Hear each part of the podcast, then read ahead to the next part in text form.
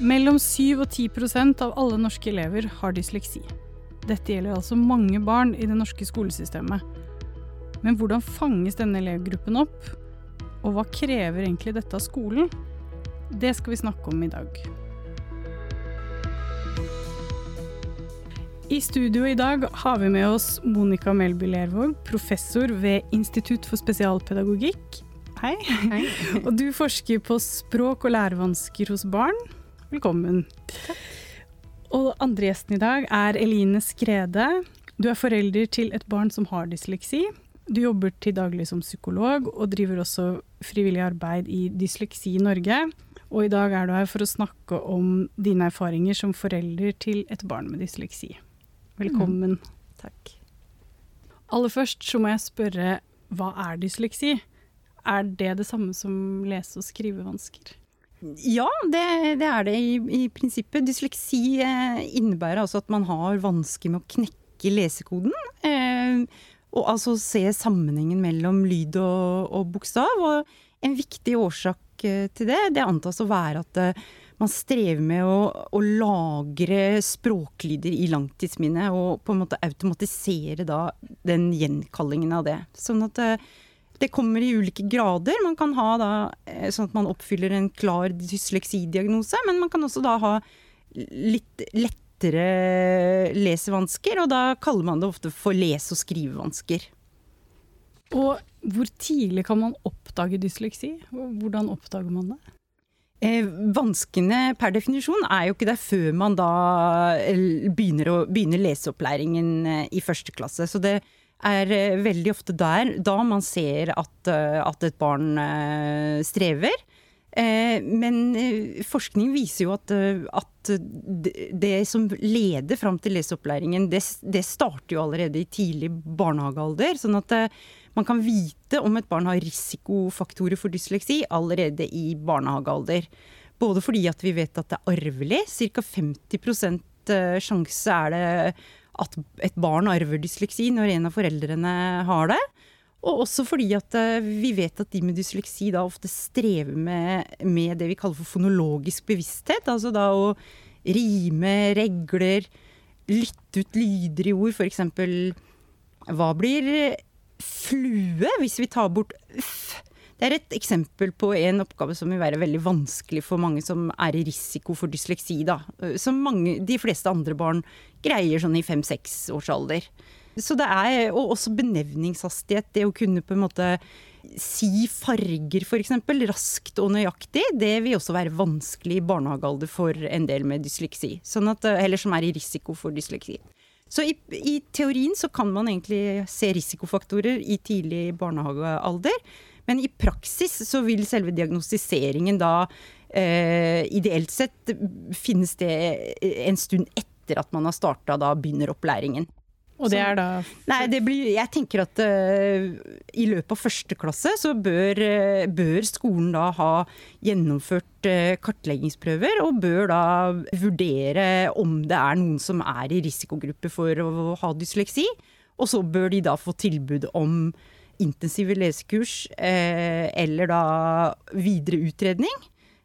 og det kan da skje allerede i andre klasse, egentlig. Mm.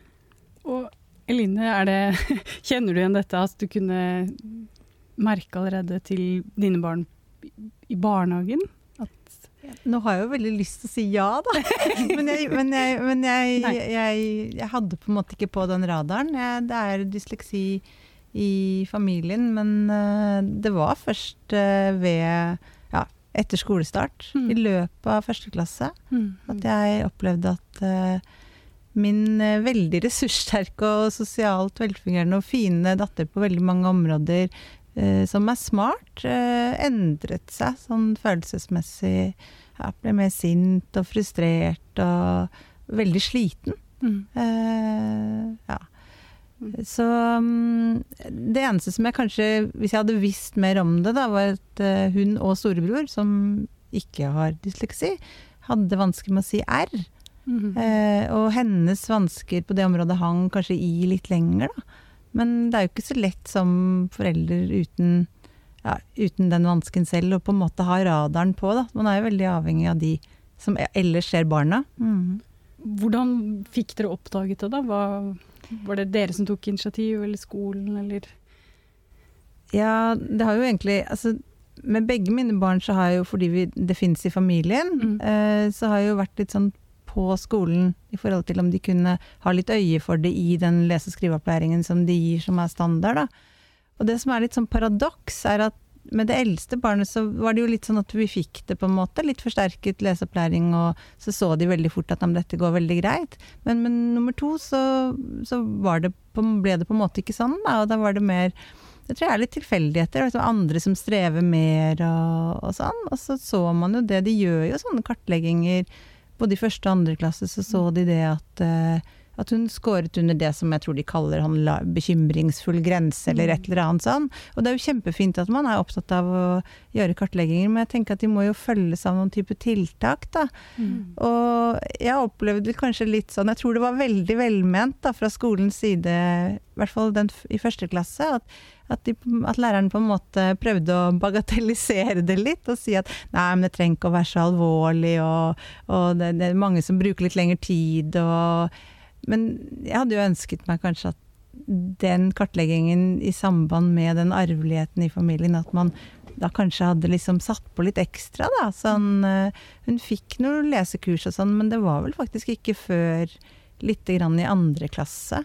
Og selve liksom utredningen og testingen var jo sånn Da har vi blitt møtt av det som veldig mange Jeg har jo kontakt med andre foreldre og barn å bli møtt med. Altså, ja, at eh, det er for tidlig, da. At man må liksom vente til minst tredje klasse med å, med å gjøre det. det er liksom, man skynder seg ikke så veldig med å få kartlagt og stadfestet om, om det er noe ekstra behov eller ikke. Nei, Så- men Monica, er dette noe du kjenner igjen? Har du hørt Eh, ja, det, det er vel eh, Det er vel egentlig Nå har ikke jeg forska på akkurat hvor lang tid det tar før barn eh, får hjelp, men, men det, det er noe som ofte, ofte går igjen. Og også det at, at man kartlegger, men så vet man på en måte ikke hva man skal gjøre eh, når man eh, finner noe som man er bekymra for. Og veldig ofte da så kan det ende at man blir stående i en eh, vente, ventelistekø på, hos pedagogisk-psykologisk tjeneste. Eh, mens det som egentlig burde vært gjort, og det som skolen også har plikt til, til å gjøre i henhold til opplæringsloven, er jo det å, å sette i gang intensive kurs. Da. I henhold til opplæringsloven så skal skolene gjøre det for de barna som i første og andre klasse eh, scorer under kritisk grense på kartleggingsprøver. Men jeg tror nok eh, at jeg kan eh, si at, at det varierer nok veldig fra skole til skole og kommune til kommune. Eh, og jeg tror også, sånn som i barne- og ungdomspsykiatrien f.eks., så har de jo for veldig mange vansker sånne pakkeforløp. Mens det er ikke noe lignende da eh, i skolene. Sånn at det, det er på en måte ikke noe Det er ikke gitt hva slags tiltak man skal få, eller innhold i tiltaket, når man da eh, eventuelt får en dysleksidiagnose, eller, eller det er en bekymring rundt lesing. Og, og jeg tenker at det hadde vært en stor forbedring hvis man hadde fått på plass at, eh, at hvis du har dysleksi, så har du krav på f.eks. så og så mange timer med, med intensiv lesekurs, og at det skal inneholde ABCDE, som da er forskningsbasert. Så det, det tror jeg hadde vært en stor forbedring av det systemet. Men det her kolliderer også da litt med det som er vedtatt i Stortinget, som er at lærere skal ha metodefrihet. Eh, og som også Utdanningsforbundet er veldig opptatt av. Og jeg må si at det syns jeg på mange måter kan være veldig uheldig. For du blir da veldig avhengig av kompetansen til den enkelte, enkelte lærer. Eh, og, og det er veldig mye opp da til læreren eller eventuelt spesialpedagogen hvis man er så heldig å få det. Og det syns jeg gir da ikke likeverdige tjenester. Verken nasjonalt, men også kan det variere veldig innen hver enkelt kommune. Så her syns jeg det er et stort forbedringspotensial i tjenestetilbudet. Mm. Du nikker, Eline. Ja, jeg, jeg nikker jo på egne vegne. Altså det, det kjennes ut som det er veldig mye tilfeldigheter, da. Mm. Og det er en sånn fin balansegang som forelder at man, man må jo interessere seg veldig for temaet selv, da, enten man vil eller ikke, for, i, for å ivareta barnet sitt. For det er mye sånn sunn selvfølelse som går tapt på veien. Eh, I det å kjenne seg dum og ikke henge med og, og ja. Det får veldig sånn alvorlige konsekvenser for den, den enk det enkelte barnet, da. Uh, blir noe man i utgangspunktet gleder seg til. Å begynne på skolen og være en del av den verden blir veldig sånn negativt uh, ladet, da. Så ja. Mm. Så um, det hadde jo vært bra hvis uh, alle barn og alle lærere på en måte visste litt hva de skulle gjøre, da. Og at, at man ikke måtte være så mye hva skal jeg si, løveforelder eller sånn som, som jeg tror veldig mange av de andre foreldrene jeg har truffet som har barn med dysleksi, kjenner at de må være, da. Mm. Eh, og så er det en veldig fin balansegang, fordi man er så avhengig av skolen også. Man er ikke der. Barna er kjempesmå når de begynner på skolen, de skal være der hele dagen. Eh, du, får, du leverer en uh, unge om morgenen og henter en sånn eh, en, en, som har falt sammen, og du vet på en måte ikke helt hva som har skjedd. Da. Ja, sånn at eh, man må jo finne en sånn veldig balanse mellom det å ja, klare å passe litt på skolen og etterlyse ting, og, og samtidig ivareta den samarbeidsrelasjonen. Og det tror jeg mange foreldre Eller jeg har opplevd det litt sånn Det har gått greit, men det har jo vært noe jeg har tenkt mye på, og jeg tror i en del tilfeller så tror jeg det går veldig galt, dessverre. Men for å ta opp det, altså hva, hva kan gjøres da hvis et barn har dysleksi? Altså, er det noe man må leve med resten av livet, eller hvis det kommer inn en tidlig innsats, så kan man endre det? Ja, eh, som sagt så er det jo grader av, av dysleksi. Da. Noen eh, har det så alvorlig at de eh, har store problemer med å i det hele tatt eh, lære å lese. Eh, og vi bruker mange år på det, mens andre kanskje har mindre vansker og vil komme lett over leseproblemene, men vil, det vil kanskje henge igjen i staving. Eh, men det vi vet fra forskning, det er at uh, tidlig tiltak hvor man da fokuserer på intensiv bokstavopplæring og, og koble bokstaver og, og, lyd, og det å lese uh, for å øve på leseflyt, det, det har, da, har, da, effekt. Sånn at uh, det, det, høres jo Og det, det, er jo helt klart også belastende for barna at det, man, det som virker, i hvert fall Eh, i første omgang, det er å trene på det som du strever, eh, strever mest med, da. Men etter hvert så, så eh, Jeg tror egentlig tidligere i karrieren min så var jeg nok mer optimistisk at man kunne på en måte nesten trene bort lærevansker, men etter å ha forska litt og gjort effektstuer og sånn, så er jeg vel kanskje nå mer tror jeg kanskje mer realistisk at det, det er nok ikke så lett å, å, gjøre det. Vanskene vil nok alltid henge igjen eh, Vil ofte alltid henge igjen der. Men, men, med tiltak så kan man avhjelpe de noe. Og så blir det jo også veldig viktig å fokusere på kompensatoriske tiltak. Ja, og hva er det? Eh, da tenker jeg på f.eks. Eh, dataprogrammer med retting, syntetisk tale, dataprogrammer som retter rette vanlige feil som dyslektikere gjør. Ikke den eh, rettskrivingsgreia i vanlig rettskrivingsgreia i Word, men som rette feil som eh, dyslektikere vanligvis gjør. Så sånne typer hjelpemidler er utrolig viktig. Lydbøker osv. Så, så, så man kan nok ikke trene bort vanskene, men man kan sammen med, med gode pedagogiske tiltak og kompensatoriske hjelpemidler, så kan man på en måte lære seg til å fungere rimelig greit, ikke bare på skolen, men også seinere i samfunn og arbeidsliv. Eline, har du noen erfaring med at dine barn eller datteren din har tatt i bruk digitale hjelpemidler?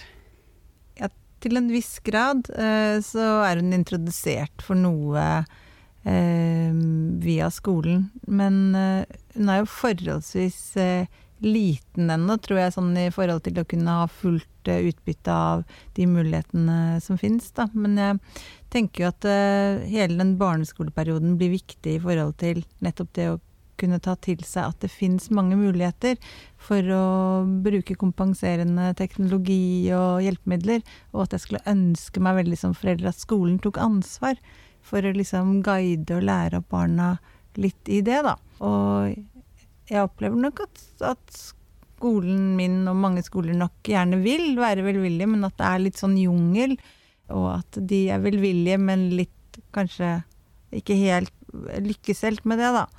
Mm. Så det er uutnyttede muligheter, tenker jeg, for mm. mm barna.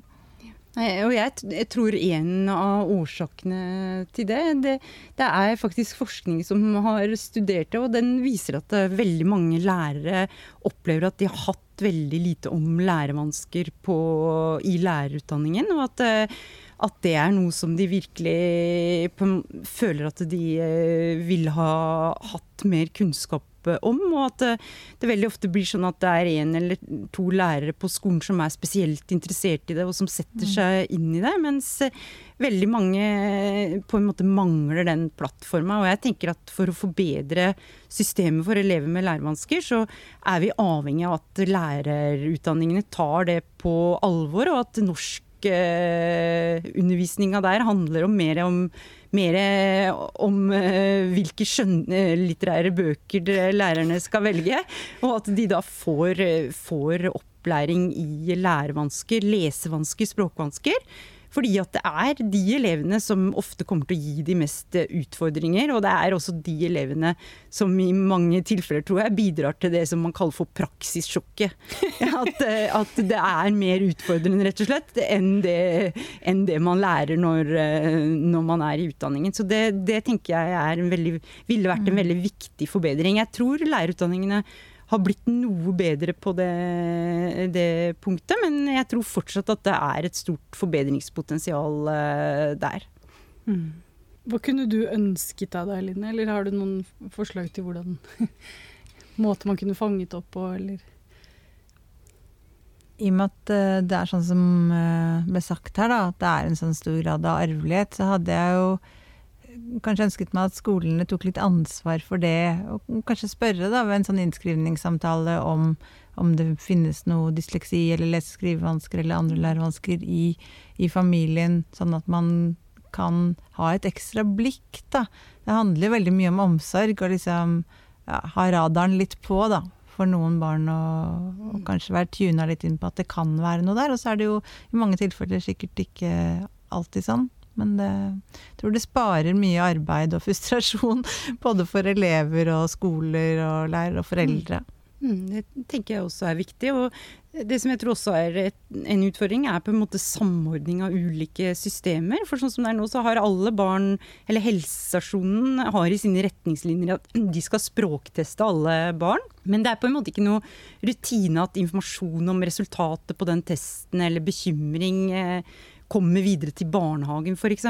Så eh, dermed så kan det være gjort andre kartlegginger i, i barnehagen. Og jeg tenker at det, det, bør da være en rutine at man, mm, man, har et system som spør om eh, det er lærevansker, eh, spør foreldrene om det er lærevansker i familien. Og også da at eh, de ulike systemene på en måte kan kommunisere med hverandre, og også gi informasjon over til skolen det er liksom misforstått, tenker jeg, da, at man på en måte skal starte med blanke ark eh, når, eh, når eh, man starter på skolen. Fordi at det kan risikere da, at viktig informasjon som kunne på en mm. måte gitt raskere hjelp og, og bedre tilpasset tiltak, at det ikke blir, blir brukt, da.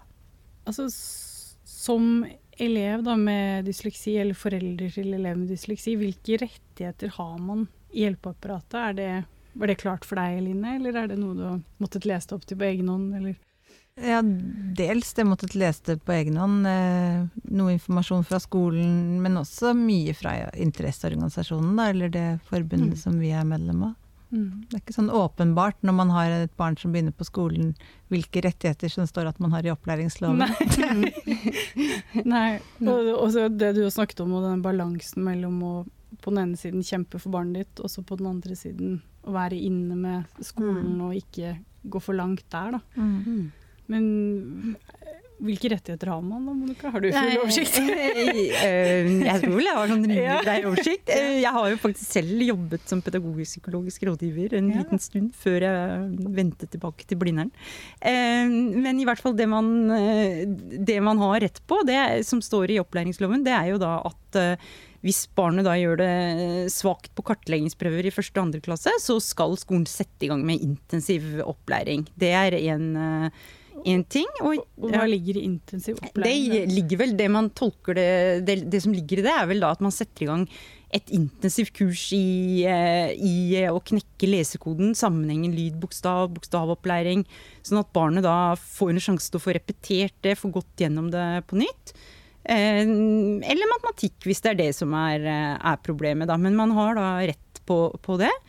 Og hvis ikke det da har noe effekt, så, så bør skolen da hen, ta initiativ til å henvise barnet til pedagogisk-psykologisk tjeneste, hvor det da får en utredning og, og en vurdering da om det kan være dysleksi f.eks. Og man kan også henvise der, derfra og videre til barnehabiliteringstjeneste, barne- og ungdomspsykiatrien osv. hvis det er nødvendig. Men Eh, og så blir det PP-tjenesten som da skriver en sakkyndig uttalelse angående hvorvidt barnet har rett på spesialundervisning eller ikke, og i hvilket omfang det har rett på spesialundervisning. Og da har skolen en plikt å, å implementere den sakkyndige uttalelsen. Da står det også om hva spesialundervisningen skal inneholde. Men det har jo også da kommet uh, urovekkende rapporter bl.a. fra Barneombudet som viser da at uh, at systemet med spesialundervisning i liten grad har fungert, og at veldig mange elever ikke har fått det de har krav på. Og det vi da ser, dessverre, er at, at, det å ha et barn med en lærevanske krever veldig mye av foreldrene for at barnet skal på en måte få, få, det som det egentlig har krav på. Og da blir det ofte sånn at, at foreldre som orker å på en måte ha ressurser til å ta den kampen, de når igjennom for sine barn. Mens det blir da også et stort antall barn som på en eller annen måte dilte gjennom skolesystemet uh, uten å, å, få den hjelpa som de har, uh, har rett på. Mm. Og det er også en sånn kinkig uh, Man må, må, nok sikkert som foreldre også da kjempe veldig for at barnet skal få hjelp, og samtidig da kan man også risikere å, å komme også liksom på kant på skolen, som du, du, som du mm. nevner. fordi at Kanskje må man da klage til fylkesmannen at skolen ikke, ikke oppfyller da, ikke gir den spesialundervisningen eleven har krav på. Og så er det veldig vanskelig å vite får barnet mitt faktisk den spesialundervisningen det har krav på. Det, det får barnet de timene som det skal ha. Så det er egentlig mange ting ved det der som, som gjør det komplisert, og som krever da ganske tett oppfølging fra foreldre. Mm. Og det er jo da veldig uheldig, fordi at det gir, ikke et likeverdig tjenestetilbud. De foreldrene som da eh, tar den kampen, de, de, kan da få gjennomslag, mens andre da ikke vil få det. Mm. Jeg tror jo det hadde vært veldig mye enklere for mange barn og foreldrene deres hvis det var ja, mindre tilfeldig da, og mer mm. sånn tydelig formulert sånn at vanlige folk kan forstå det. Hva det er som liksom er problemet, og hva man skal gjøre, og hva som kommer til å skje. Sånn at man har muligheten til å følge det opp. Og så er det jo noe med å liksom, gi litt sånn en følelse av håp òg, da. At mm. uh, det går an å få et bra liv selv om man har denne eller andre lærevansker. Og mm. at man liksom ikke blir gående og tråkke gjennom hele skoletida i, i følelse av frustrasjon og, mm. og usikkerhet, da. Mm. Det tar jo også krefter som kunne mm. gått til læring. Så mm. mm. ja. Og vi, eh, vi, vet jo, forskning viser jo at, at, man kan greie seg helt fint eh, i livet selv om man har mm. eh, en dysleksidiagnose. Og, eh, og det fins mange tiltak både som har effekt, men også sånn, som jeg nevnte, sånn kompensatoriske tiltak. Men vi vet også at at det er en stor tilleggsbelastning å ha en uh, lærevanske eller, eller, dysleksi, og at for noen av de 50 000 som hvert år begynner i, i første klasse, så, så, går det noen måneder før de da starter å oppleve nederlag på nederlag. At eh, de strever veldig med, med noe som, andre, som, de fleste andre bare mestrer veldig, veldig lett. Og en kunnskapsoppsummering vi holder på med nå, viser at veldig mange av de barna som har lærevansker, enten det da er dysleksi eller språkvansker eller matematikkvansker, de strever mye mer enn andre med emosjonelle problemer. De strever ofte mer med atferdsvansker, og de er også ofte i risiko for å utvikle lavt selvbilde. Sånn at, eh, at det har eh, det, det kan helt klart ha, ha, en, uh, ha, negative konsekvenser å ha en sånn vanske. Og det er viktig å, å prøve å, å, hindre at det på en måte får, får den type konsekvenser. Mm. Mm. Det, det, gjenkjenner jeg veldig godt som mamma. fra liksom se et sånt barnehagebarn. Det er lett å si at man er veldig liten og liksom utfolder seg annerledes i livet, men det var jo en sånn veldig endring i løpet av første Mm. klasse, da. Ja, som eh, var påfallende. Og man går Mm. lenger på skolen enn man går i barnehagen. Så jeg tenker liksom grunnlaget for livet Ja, Mm. skolen har veldig stor eh, innflytelse, da. På hvordan man får det med seg selv. Mm. Men, ehm, ja, Eline, hvilke råd har du da til andre foreldre? Altså hvis man mistenker at barnet har dysleksi, eller hvis man opplever at barnet, sånn som du beskriver da, har det en stor overgang til først, fra barnehagen til første klasse?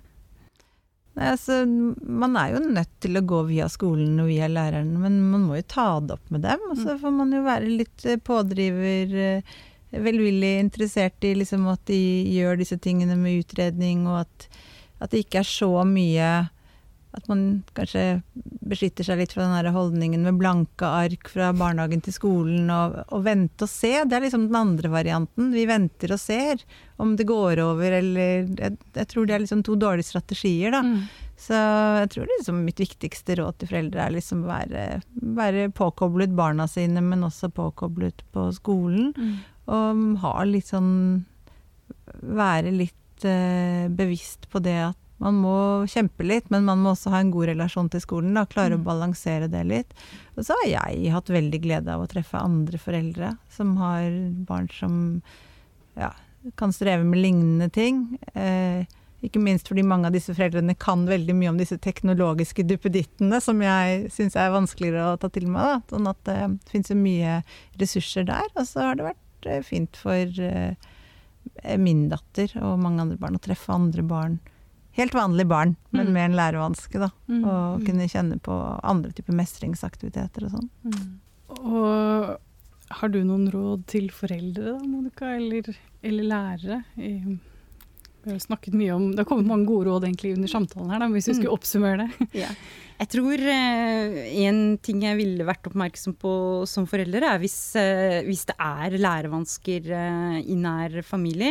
eh, Enten det da er eh, dysleksi, sånn som her, eller, eller språkvansker, eller, eller matematikkvansker, eller, eller lærevansker. At man er litt, da er litt ekstra oppmerksom, og, og på en måte følger med hvordan det går. eh, eh, går i barnehagen, hvordan språkutviklinga går. Det er jo litt vanskelig å vurdere det på, på sitt eget barn, men at man i hvert fall da sier ifra til, til barnehagen og, og de som er eh, på en måte profesjonelle rundt barnet, at, og be de da følge med. Og så eh, hvis man da ser at barnet begynner på skolen og begynner da veldig tydelig å streve med å knekke lesekoden, så tenker jeg at da bør man som forelder være ganske på skolen for å få de til å, å sette i gang intensivundervisning, og også for å, hvis det er eh, ganske alvorlig, og også få de til å henvise til pedagogisk-psykologisk tjeneste.